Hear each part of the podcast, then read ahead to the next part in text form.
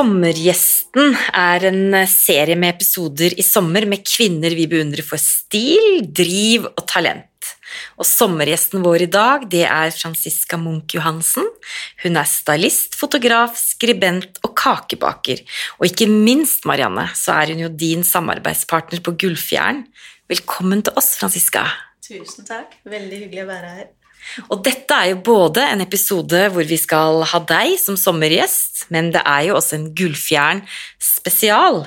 Men aller først, Marianne, så må jeg få ukens interiørtips fra deg. Ja, og nå er det jo midt på sommeren, og noe av det jeg skal gjøre i sommer, det er faktisk å rydde litt i bildene mine, i de digitale bildene. For jeg har jo faktisk også en konfirmasjon til høsten.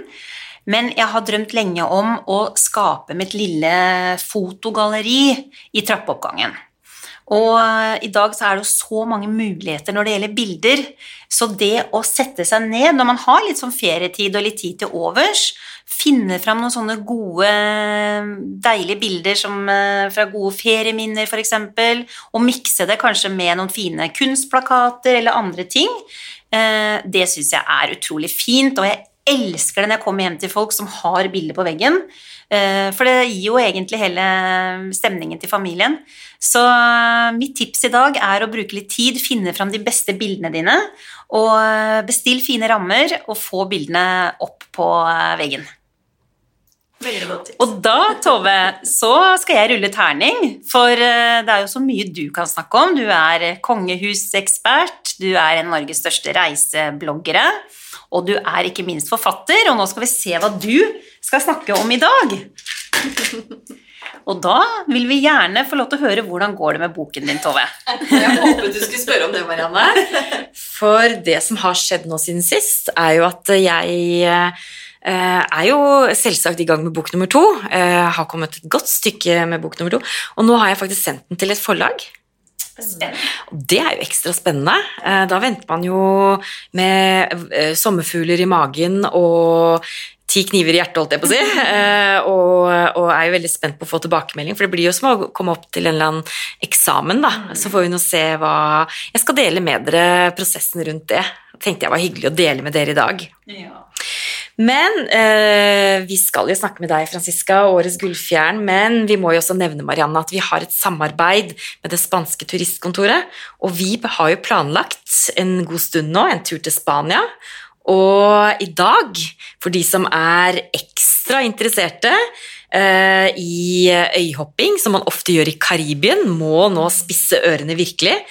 For i dag skal vi nemlig snakke om hvor lett det er å øyhoppe eh, rundt Spania eh, ved å kombinere ferie med Mallorca, Ibiza, Menorca og Formentera. Men det må dere bare smøre dere med tålmodighet, for aller først vil jeg vite, Marianne, hva er det du har i veska i dag?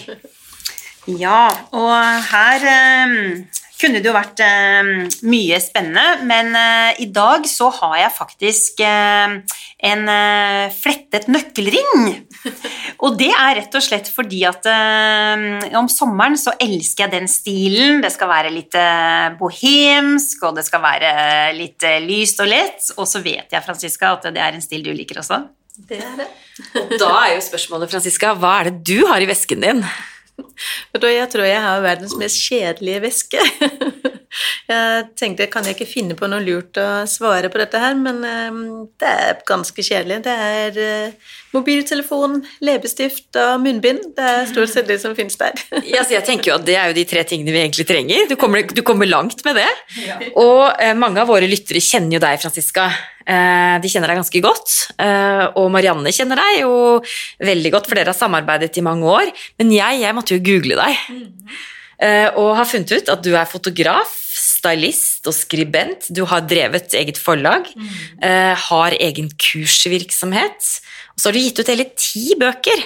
Ja. Eh, tre interiørbøker. 'Sanselig sommer', 'Sanselig jul', 'Sanselig rom' og ikke minst har du gitt ut en bok som jeg er bare nødt til å få tak i, som heter 'Fristende kaker'. For der tror jeg du og jeg deler nemlig en, eh, en eh, stor interesse. Og du er jo vinneren av Kakekrigen også på Kanal 5 TV Norge. Stemmer alt dette her? Det gjør det. Kan ikke du fortelle litt mer om bakgrunnen din?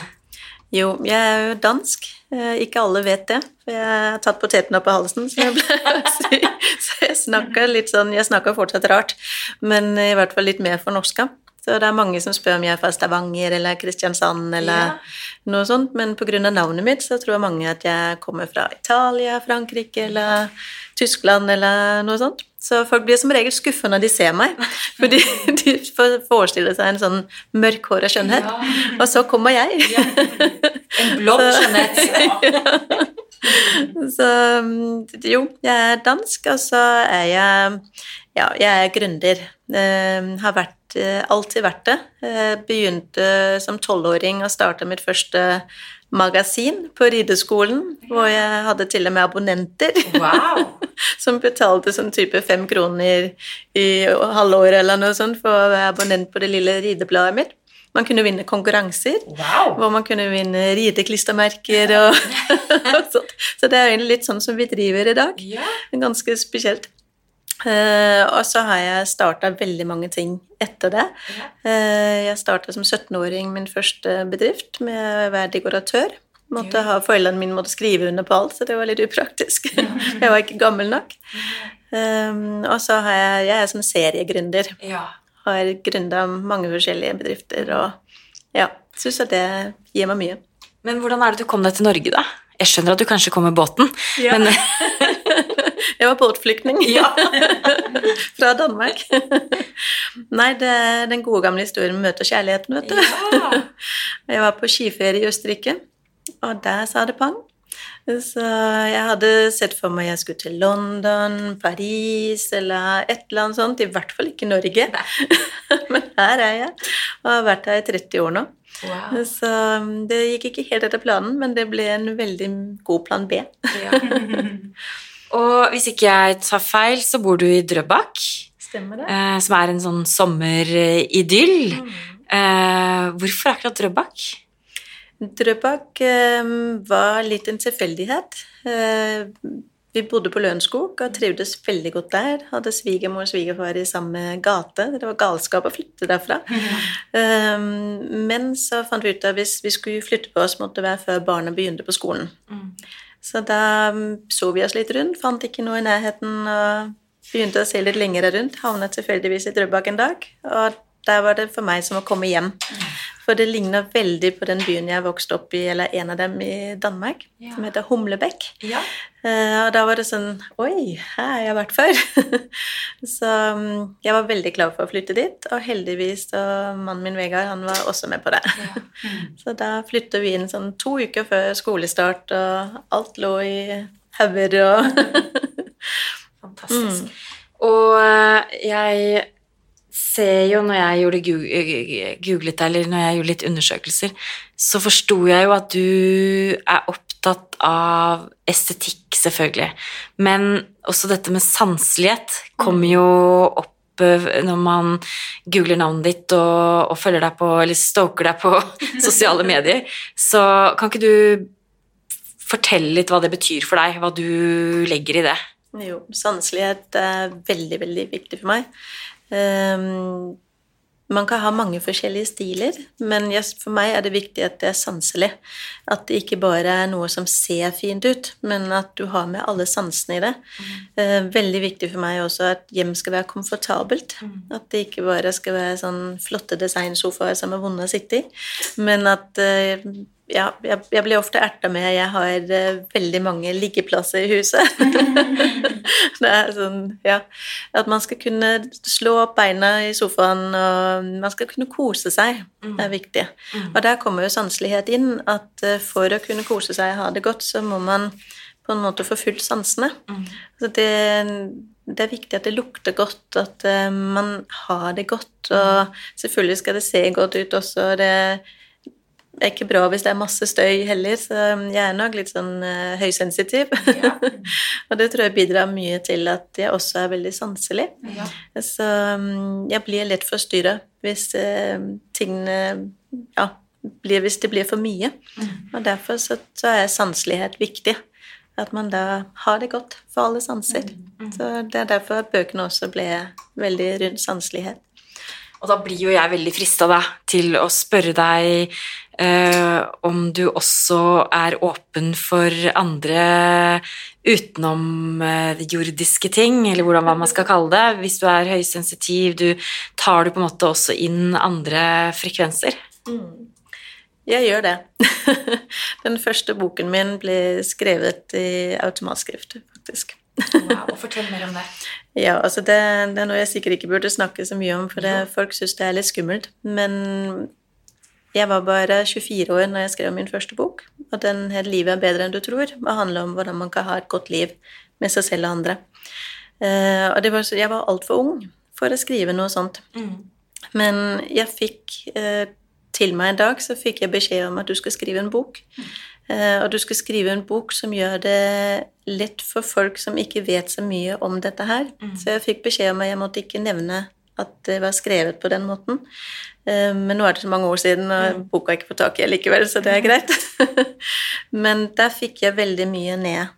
Uh, jeg kunne skrive Altså satt og bare skrev, og plutselig så var det akkurat som jeg hadde blunda litt av. Og plutselig så kunne jeg se at det sto tre sider som da var skrevet med en annen skrift.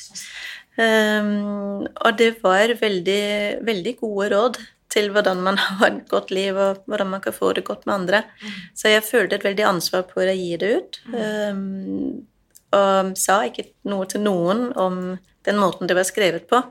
Det kunne selvfølgelig være fristende å bruke det som en, en salgsgimmick mm. eller noe sånt, men det var ikke det som var meningen. Så, så, derfor så ja, ikke ord om det, men den ble gitt ut og ble en veldig stor suksess. Så ja, siden du spør. Det var veldig interessant. Det er ikke særlig mange som vet. Jeg følte det på meg. Mm. Eh, det bringer oss jo over til um, dette med alt du driver med, da. Eh, og er du en gründer, entreprenør, innovatør, oppstarter, eller eh, kanskje til og med en liten sånn Reodor Felgen. Eh, og vi heier jo på andre kvinner, og det vet jeg du gjør òg. Mm. Eh, og jeg vet at både du og Marianne gleder dere eh, genuint stort over andres eh, suksess. Mm. Og da er jo jeg veldig nysgjerrig på hva dine tanker om kvinnelig entreprenørskap, om du har noen tanker om det? Mm. Jeg har masse tanker om det. Oh, ja.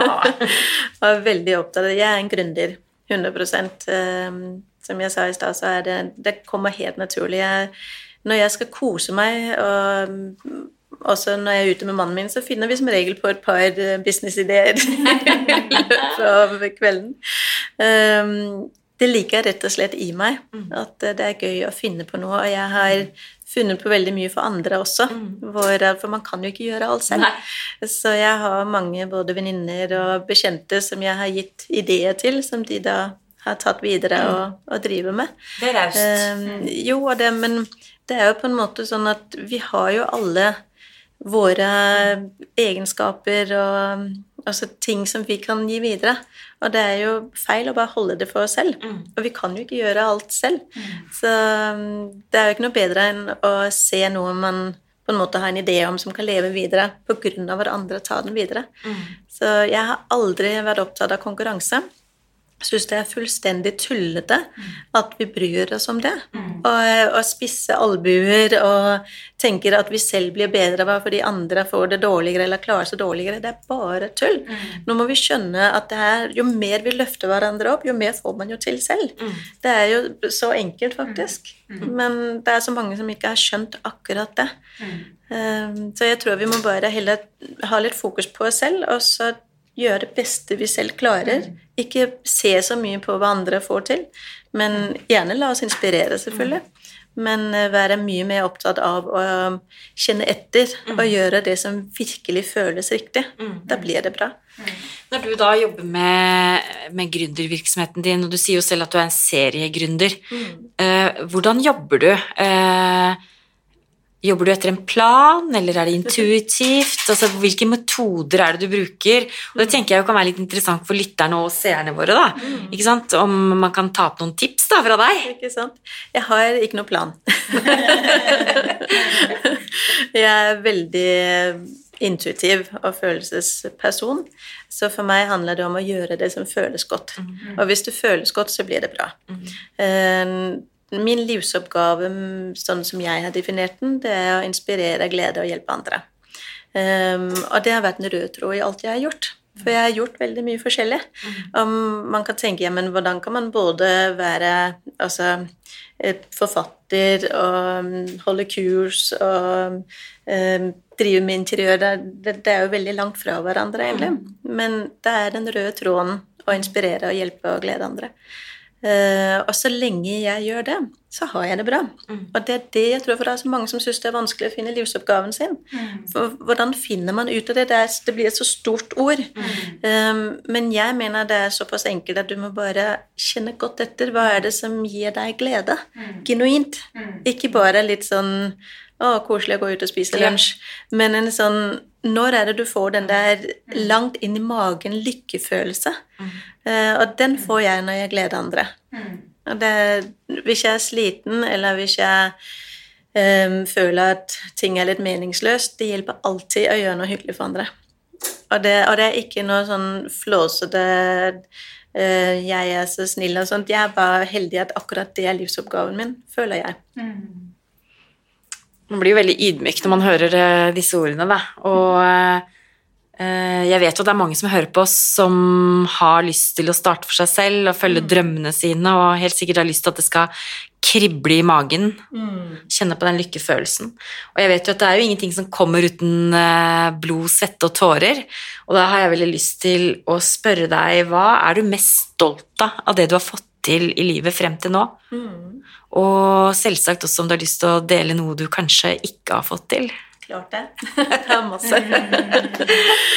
altså, selvfølgelig det man er aller mest stolt av, det må jo selvfølgelig bli barna. Ja. Som mamma, ikke sant, så er jo det veldig stort.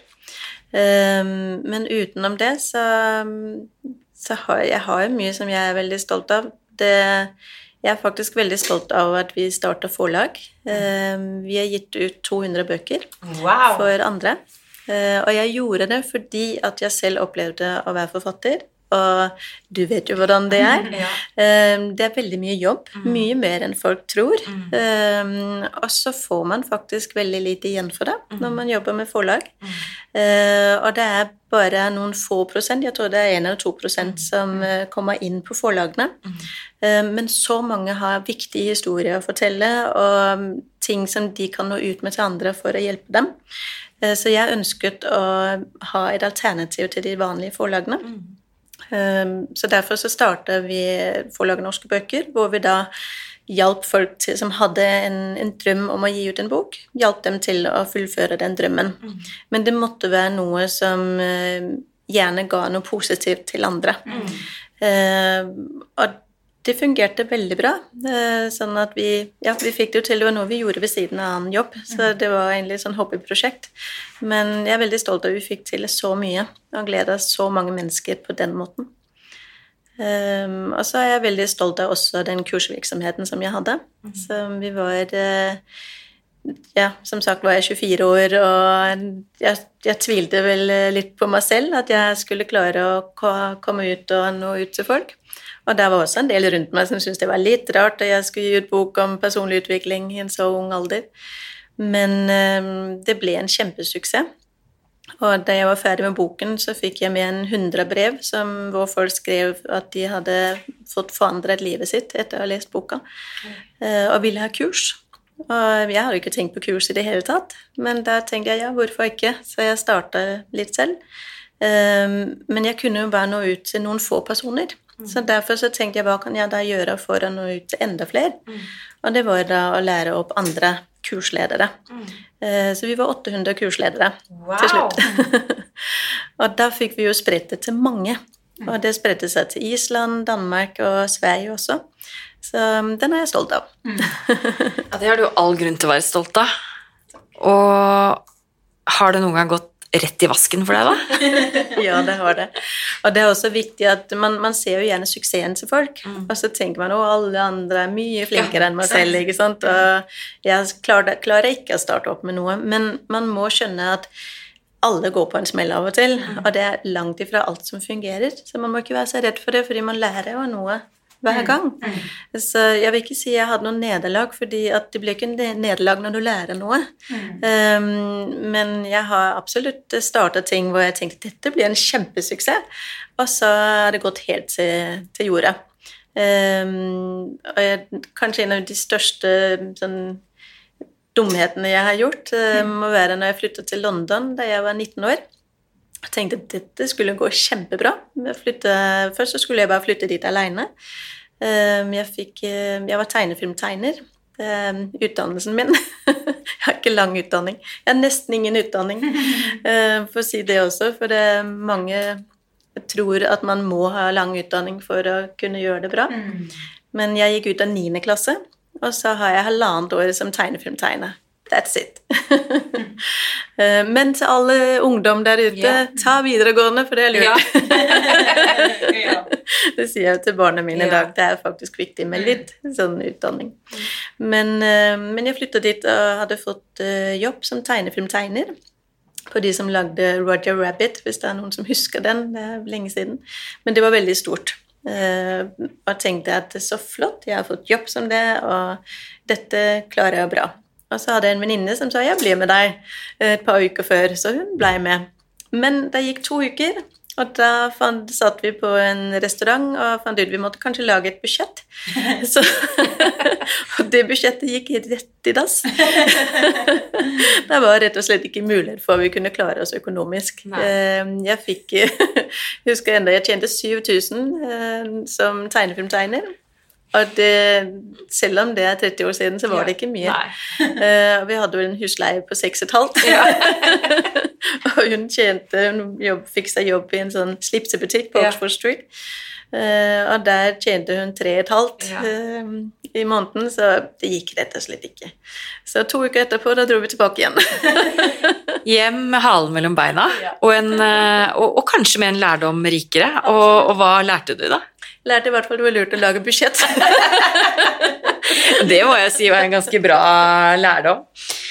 Eh, tusen takk altså, for at du deler, det er jo helt fantastisk å høre på deg. Og dere to, Marianne og Franziska, dere er jo samarbeidspartnere og er jo de største influenserne i Norge. Og det har dere utnyttet også ved å skape en pris da, for interiørmiljøet der samhold og framsnakking står eh, i sentrum. Og Gullfjern er jo så mye mer enn bare en prisutdeling. For det er jo disse personlige møtene eh, mellom influenserne som kanskje bare har kjent hverandre på sosiale medier. Eh, og så skapes det nye vennskap på tvers av kategorier, av de 13 kategoriene deres, og kommunegrenser. Og ikke minst så åpner dere dører for at både finalistene og vinnerne får en plattform å utvikle da sin egen bedrift og profil og starte på egen hånd. Mm. Og dere ønsker også å bidra til at Instagram skal være et godt sted ved å framsnakke, og, og at vi som er der, skal ha ja-holdninger. Mm. Og vanligvis så er jo denne prisutdelingen stor festaften på Hotell Continental, men i år så var det jo premiere, og den har jo akkurat vært, på digital utdeling. Så jeg føler jo egentlig at jeg er med på et lite nachspiel akkurat nå. Rett og slett litt sånn behind the scenes fra Gullfjern 2021. Mhm. Kan ikke dere ta meg med inn bak kulissene? Mm. Gjerne det, Tove. Og eh, ja, Franziska, først og fremst så må jeg også få si at det, det, er veldig stort for meg å ha deg ved siden av meg her nå. Veldig hyggelig at du er med på podkasten vår, og veldig stort for meg at dere to, som jeg samarbeider med, og som begge to betyr veldig mye for meg, er her nå. Mm.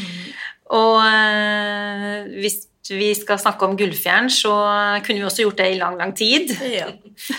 Men øh, vi har jo nå avholdt Gullfjern for fjerde gang, Franziska. Mm. Og de tre forrige årene så var vi jo på Continental. Det var vi. Men så skjønte vi at det, det går ikke i år. Nei. det ble litt voldsomt å ta noen sjanser, og det er vi glad, veldig glad for at ikke vi gjorde. Veldig glad for at vi ikke gjorde det. Mm. Men eh, kan ikke du eh, Jeg husker jo godt når vi to Vi har jo kjent hverandre i mange år. Mm. det nærmer seg i hvert fall Det er jo ti år. Ja. Og eh, kan ikke du fortelle litt eh, lytterne og, og seerne våre hvordan, våre to, eh, hvordan samtalene våre var i forhold til om vi skulle starte Gullfjern? Jo, det kan jeg gjøre. Vi, det, vi, vi snakker jo om det veldig lenge. At vi hadde lyst til, vi visste ikke helt hvordan vi skulle gjøre men vi hadde lyst til å gjøre et eller annet hvor vi kunne da bidra til at Instagram skulle være et godt sted å være.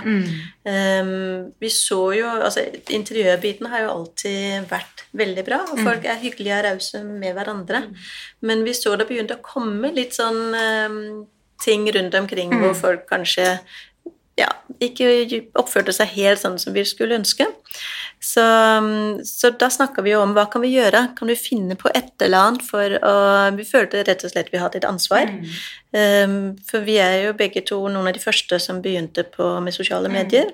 Um, du var jo enda tidligere enn meg med blogg, uh, og jeg kom rett etter. Og, og der har man et ansvar. Så da var det litt sånn Hva skal vi gjøre? Og da fant vi ut av etter vi hadde vært på messe, og så fant vi vel egentlig en sånn Kanskje vi skulle lage en prisutdeling, hvor vi da kunne få det, er så mange som er gode, som ikke får så mye oppmerksomhet. Mm. så da fant vi ut at hvis vi kunne gjøre det, så kunne vi løfte opp, og vi kunne heie på hverandre, og vi kunne bidra til å Det skulle bli et godt samhold, da. Så det var vel egentlig sånn det begynte. Ja, det var det jo, og det er klart at eh, det er jo vi, er jo, vi må vel få lov til å si at det, er jo, det har jo vært ekstremt mye hardt arbeid. Det har det. Eh, og vi har jo gått den veien eh, Det er, det er vanskelig å si helt nøyaktig hvordan alt skulle bli. Men, eh, men det har jo, når vi står på denne scenen og deler ut de prisene, så kjenner vi jo hver eneste, hvert eneste år at dette her er eh, Dette er virkelig Når vi ser gleden Ja. til eh, vinnerne våre, Mm. og så hvordan folk heier på hverandre, Franziska. Ja. Si litt rundt Det Det er helt spesielt, og det Vi hadde håpet og trodd at dette skulle bli bra med tanke på å få folk til å heie med på hverandre, men vi hadde nok alle sett hvor bra det faktisk skulle bli. For når vi ser, når vi ber om nominasjoner i en kategori, f.eks., så til og med de som selv er nominert i kategorien, de nominerer andre. Og det er ganske unikt. Det skjer jo ikke i noen andre prisutdelinger. Uh, og vi har vært på Viksen hvor vi hører folk sitte og bue på hverandre, og det har aldri skjedd hos oss, i hvert fall. det er noe helt totalt annet. Det, ja, det, er- det er mye mer enn bare en prisutdeling. Det, er det, det er det at man får muligheten for å eh, fortelle folk eh, at de gjør det bra, og, og ikke bare oss, men andre også får muligheten til å løfte opp andre.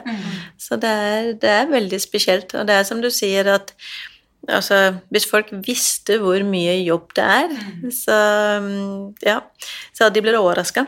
Men når man da står der og, og ser at folk reiser seg, og vi får stående applaus, og vi skjønner at dette er ikke fordi at, altså, dette er fordi det faktisk betyr noe for folk, det vi gjør, det har mye å si.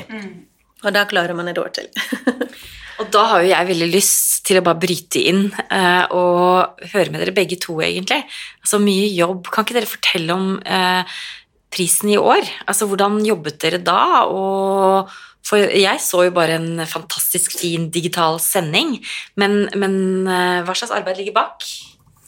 Ja, eh, og det var jo Når vi da bestemte oss for å gå for en digital sending, så kjente vi at dette har jo ikke vi noe erfaring med i det hele tatt.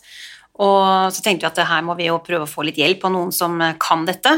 Og da var det veldig naturlig for oss å snakke med Johannes Brun, som jo har eh, Som står bak seks sesonger av Herlige hjem. Eh, Så vi tenkte vi skulle spørre Johannes litt til råds om hvordan vi kunne gjøre dette. Og Johannes er jo en helt fantastisk person, og etter litt eh, gode samtaler så sier jo Johannes eh, egentlig ganske raskt at eh, dette har jeg lyst til å hjelpe dere med. Og det er vi jo evig takknemlige for. Ja, For én ting er å lage en liten eh, videosnutt, men uh, Mm. å sy sammen den sendingen der, det, det hadde ikke vi klart alene, Franziska. Nei, det hadde vi ikke. Nei, det har vært, eh, vi har vært utrolig heldige som har fått med dem. Og da ble det mye mer enn bare en ja, kjedelig videoinnspilling. Og det var jo veldig spennende, fordi vi måtte jo finne først og fremst så måtte vi også finne en location. For vi ville jo på en måte at vi skulle ta vare på den litt sånn glam. ikke sant? Det er jo en grunn til at vi er på Hotell Continental, og vi ønsker jo på en måte at eh, de som ser på, de som er i salen, og i dette tilfellet de som satt hjemme, virkelig skulle føle at de var med på en festaften. Og det fikk vi jo til, Franziska. Eh, og vi er jo også veldig glad for at vi, vi gjorde jo litt eh, forarbeid, eh, og det var veldig viktig for oss å få fram også, for vi vet jo alle det at eh, det å få de naturlige følelsene fram, det, er, eh, det gjør mye, så du kan jo fortelle, det var jo du som eh, sendte ut eh, gavene på forkant, Franziska, det var litt av en jobb det også. Ja, det var det. Um, hva, hva gjør man for å, å nå ut til folk som Vi, vi ønsket jo ha at vinnerne skulle kunne vise sine naturlige reaksjoner. Um, så det, det var litt mye frem og tilbake. Hvordan gjør vi dette her? For det er jo digitalt, og de kan jo ikke være i studio eller noe sånt. Men vi sendte da pakke til alle som vant. Og skrev at vi sendte både til vinnere og finalister. Så det kan hende du vinner, kan hende du ikke vinner. Men uansett vil vi gjerne ha reaksjonen din. Alle blir bedt om å filme seg selv. Å se de videoene, Marianne, det har vært rørende. Det, jeg tror ikke jeg har klart å se en av dem uten å sitte med tårer i øynene. For det Når de liksom åpner pakken, og da er de ganske rolige og samla, og så får de opp brevet hvor det står 'Kjære, gratulerer så mye, du er vinneren', og så de fleste blir helt stumme og bare Og da kommer tårene, og man merker at dette betyr bare så mye. Så det var en veldig fin måte å gjøre det på. Ja, og vi er jo helt overveldet over tilbakemeldingene vi har fått, og responsen fra både finalister og vinnere og alle andre som har vært med på dette her og, og heiet fram. Men jeg vet jo det, Franziska, at eh, nå da, når vi sitter på podkasten og har litt muligheter til å prate på den måten vi gjør nå, så vet jeg at mange som sitter og, og hører på oss, og som, og som ser på eh, sendingen her, er veldig nysgjerrig på hvordan er det vi egentlig jobber, og kanskje man tenker selv også at man har lyst til å være med på dette, og hvordan gjør man det? Kan ikke du fortelle litt hvordan, hvordan du og jeg jobber med dette? Jo, det er jo en, en veldig stor prosess å finne de som skal nomineres og finalister, men det er åpent for alle. Uh, og man må jo rett og slett bare tagge bildene sine med f.eks. hashtag gullfjern, så, så finner vi dere. Eh, men så blir man også nominert, og hver uke frem til prisutdelingen så går vi ut og ber om nominasjoner i de forskjellige kategoriene, og da får vi inn utrolig mange gode tips, og det gjør også at vi oppdager nye profiler, for vi er jo veldig opptatt av at det skal ikke bare være de samme som eh, blir tatt frem hvert år. Mm. Selvfølgelig er det noen som går igjen, og det er jo fordi at de er veldig flinke og fortjener å få oppmerksomhet, men vi er annet opptatt av at man ikke skal vinne flere år på rad. Så selv om man har f.eks. en veldig flott stue eller uteplass eller kjøkken eller noe annet, så er det ikke dermed sagt at man er finalist år etter år. Nei. For vi ønsker at andre også skal slippe til. Det er noe som er viktig for oss. Eh, og noe som vi også får veldig hyggelige tilbakemeldinger på. At folk ønsker at det ikke bare er de samme som eh, blir løftet fram. Så, um, og vi prøver i alle kategorier også å ha noen litt sånn outsidere som ikke er så kjente. Det er faktisk noe vi bruker veldig mye tid på, for det, det er noen som ikke er kjente for oss. Så, um, så vi googler, og vi ser på hashtags og bruker veldig, veldig mye tid på det, men syns at det er viktig. For, um, og jeg syns at vi har klart å finne mange spennende nye også. Så, um, så det er litt gøy. Ja, og så er det jo sånn at uh, vi holder jo faktisk på i nesten et halvt år før, uh, før vi kårer hvem vinnerne er, for det er jo en ny finalist hver en, eller fire, det er jo fire finalister i hver kategori. Eh, og den jobben er det du og jeg som gjør, da, etter tips og etter at vi, vi følger med på alle de ulike hashtagene som vi legger ut på Gullfjern på Instagram. Og så har vi jo en flott jury med oss. Så når vi da kommer til, eh, til eh, den biten hvor vi skal eh, finne hvem vinnerne skal være, så, så er det jo et jurymøte. Det er det. Da er vi så heldige å ha Halvor Bakke som juryformann. Han har vært med i alle fire sesonger nå. Eh, og så har vi Helle Sjaberg fra eh, som er sjefredaktør der. Eh, Anette Nordstrøm er en av Norges beste interiørfotografer. Knuta Kjartan, som er kjent både fra vinnere av Sommerhytta, men også som designer av Magne Glassverk. Eh, og så har vi Ingunn Leifsdatter, som vant Årets Gullfjær 2019. Eh, Camilla Berntsen, som har Milla butikk. Um, er det alle? Mm. Ja. huh, jeg husket det. så vi har jo en veldig flott jury som vi er veldig stolte av å ha med. Så, og det, det, som er gøy med juryen, er at det er ofte veldig forskjellige meninger. Vi er langt ifra enige Mm. når vi sitter og skal velge vinnere, og det er viktig for oss. At det ikke bare blir én stil eller Mm. Ja. Ja, og det er jo 13 kategorier, så det er vel helt umulig at dere kan være enige hele tiden. Og det er vel det å diskutere seg frem til gode, gode, eh, gode vinnere. Eh, Og det er vel én kategori som henger absolutt høyest. Mm. Årets gullfjær. Kan ikke, dere, kan ikke du snakke litt om det, Franziska? Jo, det kan jeg. Årets gullfjær er jo den gjeveste prisen. Eh, For årets gullfjær, eller gullfjæren, er jo egentlig hele grunnen til vi begynte med dette her. Eh, Så vi har valgt å ha en egen kategori hvor vi hedrer de som da gjør noe ekstra bra for å skape et godt samhold på Instagram. Eh, Og der ser vi etter de som er rause, snille, varme, gode, som ikke bryr seg så mye om seg selv, men bryr seg veldig mye om å løfte opp andre og ja, rett og slett gjøre det godt for andre og skape et godt samhold.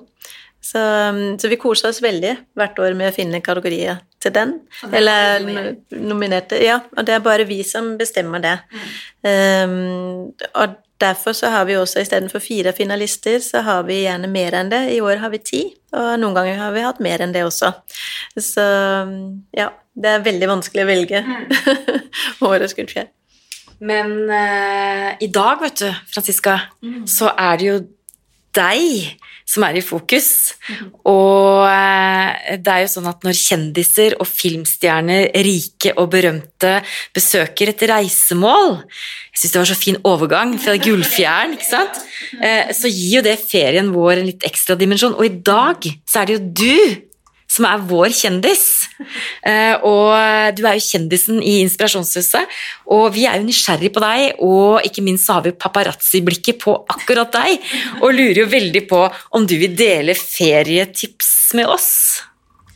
Først vil jeg si jeg føler meg absolutt ikke som noen kjendis. Takk så. for hyggelig ord. Men eh, ferietips deler jeg gjerne. um, det er jo Altså, jeg er veldig glad i å reise, og har reist veldig mye, men eh, så det, det er masse tips man kan komme med, men jeg tenker noe av det viktigste tipset det er faktisk å gå etter de små, spesielle stedene. Um, det er i hvert fall de som alltid har gitt meg de beste opplevelsene. Så det handler om å bruke litt tid på å søke seg frem til akkurat det. Og der er Instagram jo et veldig godt sted å være. Og jeg vet jo dere to også eh, liker det. Eh, jeg vet i hvert fall at det er sånn Marianne jobber. Vi har jo til og med vært på ferie sammen. Ja. En fantastisk tur.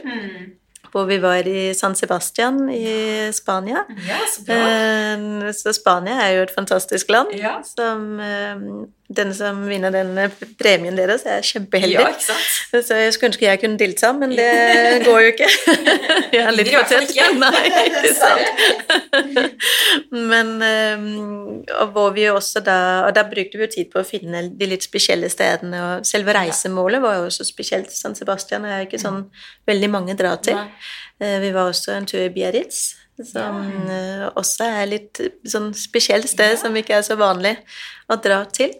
Eh, og så var vi ikke minst hos eh, en veldig god venninne av oss som heter Sarah Silm, som da bor eh, Som er fra Australia, men har klart å da kjøpe et lite fransk slott. Wow. Eh, og det er jo helt spesielt, Marianne. Kan ikke du fortelle litt om eh, hvordan du opplever å komme til Sarah? Ja, nei, det var jo veldig spennende, for vi hadde jo eh, Vi holdt jo rett og slett eh, et kurs eh, hvor vi reiste en gjeng til Chateau Chateau Mouffet. Og um, når vi var der, så kjente vi ikke bare rundt hele tiden og tenkte at dette her, vi må tilbake, og vi må la familiene våre også oppleve dette stedet. Så, og det er jo mange som spør eh, når vi jobber så intenst med Gullfjern, hvordan vi klarer å beholde vennskapet, men jeg tenker jo at vi faktisk da valgte rett etterpå å dra på ferie og ta med hele storfamilien på tur. Det sier jo litt. Og da dro vi tilbake til Sara, og eh, det var jo eh, det å få lov til å bo der med familien, og det er jo litt tilbake til Jeg tror det er mange av oss som, som tenker at en ting er jo det er jo mange flotte hoteller, og, og, men det å på en måte få lov til å bo hjemme hos noen da, på den måten, det var jo veldig spesielt. Ja, Veldig likt. unikt. Mm. absolutt. Og det, er det jeg tenker at sånn eh, å, å lete etter de spesielle stedene og Det må jo ikke bare være å bo hjemme hos noen, det kan jo være litt vanskelig å få til. Men de der små butikkhotellene eller bed and breakfast og sånne ting som man ikke, ikke alle har vært på, det er jo det som gir minner for livet. Som man husker i lang, lang tid etterpå. Eh, Jeg har dessverre vært på en del sånn eh, all inclusive når barna var små, og de går jo i hverandre. Jeg husker dem jo ikke annet enn jeg husker litt sånn rotete buffeer og Og det bringer oss jo egentlig veldig godt over til at ferie ikke bare er glossy bilder på Instagram. Det kan jo også være matforgiftning, mista flyet eller bomma på hotellreservasjonen, eller eh, rett og slett krangling med kjæresten. Hva er ditt verste ferieminne da, Franziska? Altså, jeg har jo et par ting å ta av. Men hvis du skal tenke den verste ferien jeg, En av de verste og en av de beste feriene jeg har hatt, det var faktisk til Nepal. Yeah. Der var det både mm, salmonellaforgifting og høydesyke og arrestasjoner på politiet. Wow!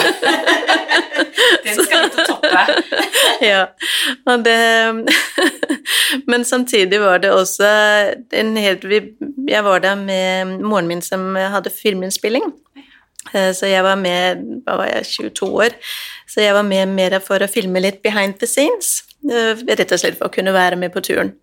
Eh, Og det var jo en kjempeopplevelse å stå der i Himalaya i 4000 meters høyde og bare kjenne suset fra ja, tidligere tider. Jakkoksene som kom med bagasje, bagasjen vår, og vi måtte ri flere timer for å komme til de stedene vi skulle, og i et gammelt elveleie.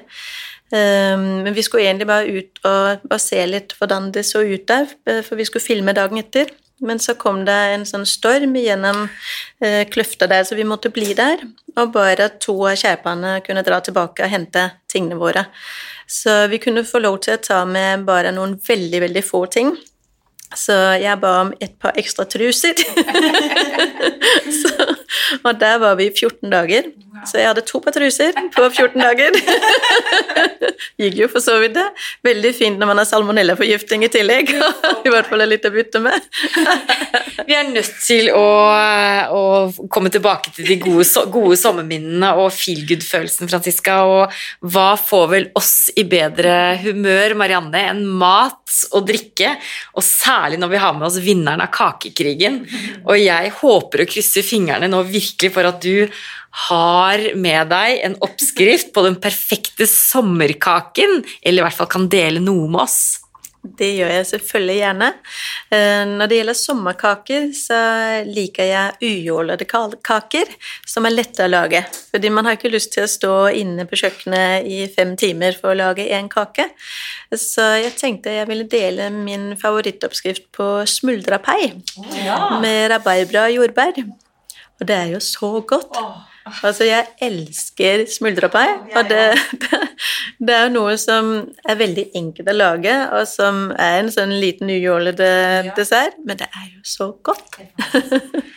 Å gud, så deilig. Den håper jeg vi kan få oppskriften på å legge ut, kanskje. Det er veldig hyggelig. Tusen takk, Franziska, og tusen takk for at du delte sommerminner, både verste og gode, og ikke minst om kvinnelig entreprenørskap med oss. Og Marianne, hva er det du sitter igjen med inntrykk? Nå kjenner jo du Franziska godt, da, men hva sitter du igjen av inntrykk etter denne episoden? Jeg kjenner jo, som du sier, Franziska godt, og, men jeg, jeg håper og jeg tror at uh, lytterne våre som også føler at de kjenner deg godt, har blitt enda bedre kjent med deg. Det, det er jeg ganske sikker på, Franziska. Du er uh, et vakkert menneske både innvendig og utvendig, og uh, jeg syns du har gitt mange gode tips til oss. Jeg syns det var veldig fint når du snakket om det med sanselighet.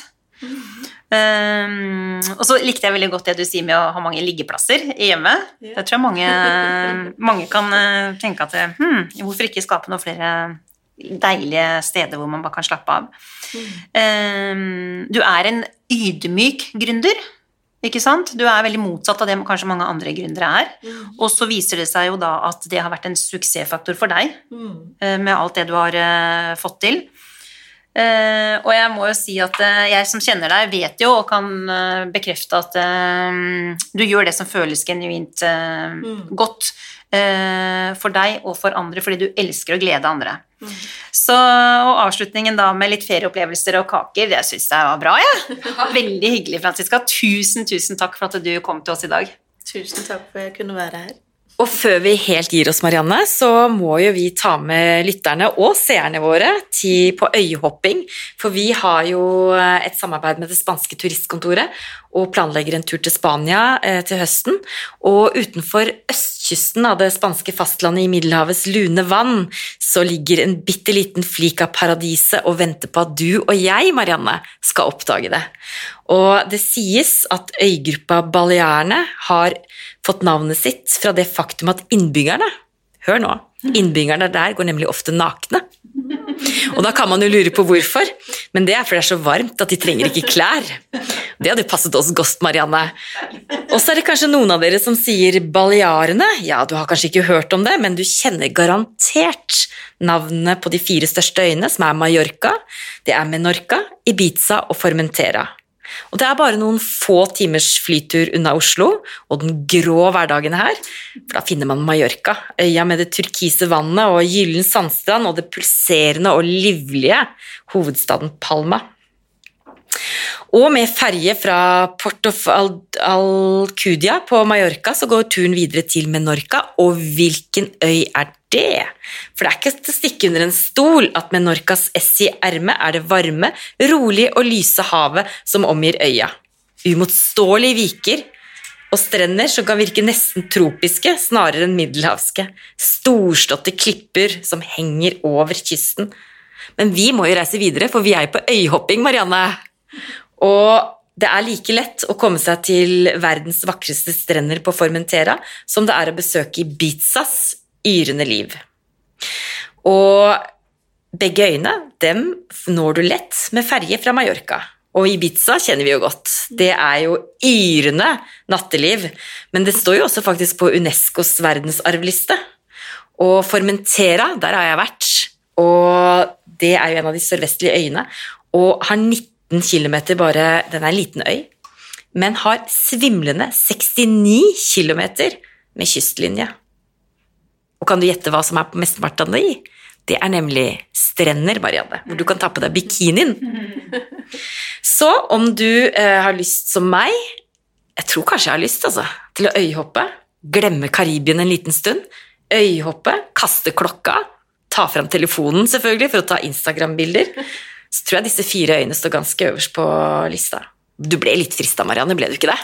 Altså, Det gjorde jeg, Tove, og jeg må innrømme at eh, dette er stedet jeg har drømt om eh, i mange mange år å besøke, og jeg er jo ekstremt opptatt av stilen der også. For eh, de derre deilige, digre lounge-sofaene, det er florlette, gjerne hvite gardiner som blafrer i vinden, det er små krakker, kanskje værbitt materiale, hvor er, du har noe godt å drikke ved siden av deg, det er deilig musikk, det er hvitkalkede vegger, hvite gulv, turkise basseng, det er så mye godt å spise av fisk og skalldyr, jeg vet også at de er gode på sushi, Um, og jeg blir i hvert fall veldig inspirert av den stilen, det vet jeg du også gjør, Franziska. Vi eh, elsker kurvene, vi elsker uh, rottingen. Um, det er stor inspirasjonskilde til å innrede her hjemme også. Og før vi da pakker kofferten, så gjenstår det egentlig bare å minne om konkurransen på Facebook, og vi legger selvfølgelig ut en eh, lenke på Instagram Stories, hvor man kan dele sitt beste Spania-minne, enten du allerede har vært i Spania, eller du kan jo ta bilde av den deilige innredningen som du akkurat nå beskrev, og sende bildet inn, og da kan man faktisk vinne et opphold for to med to overnattinger på Slottshotellkjeden Paradorene, hvor man kan bo som en dronning, pluss et reisegavekort på 5000 kroner til flybilletter. Og premien den har jo varighet i over et år, så hvis man ikke kan reise nå, så kan man jo bare vente. Og da tror jeg vi egentlig bare pakker kofferten, Marianne. La oss gjøre det.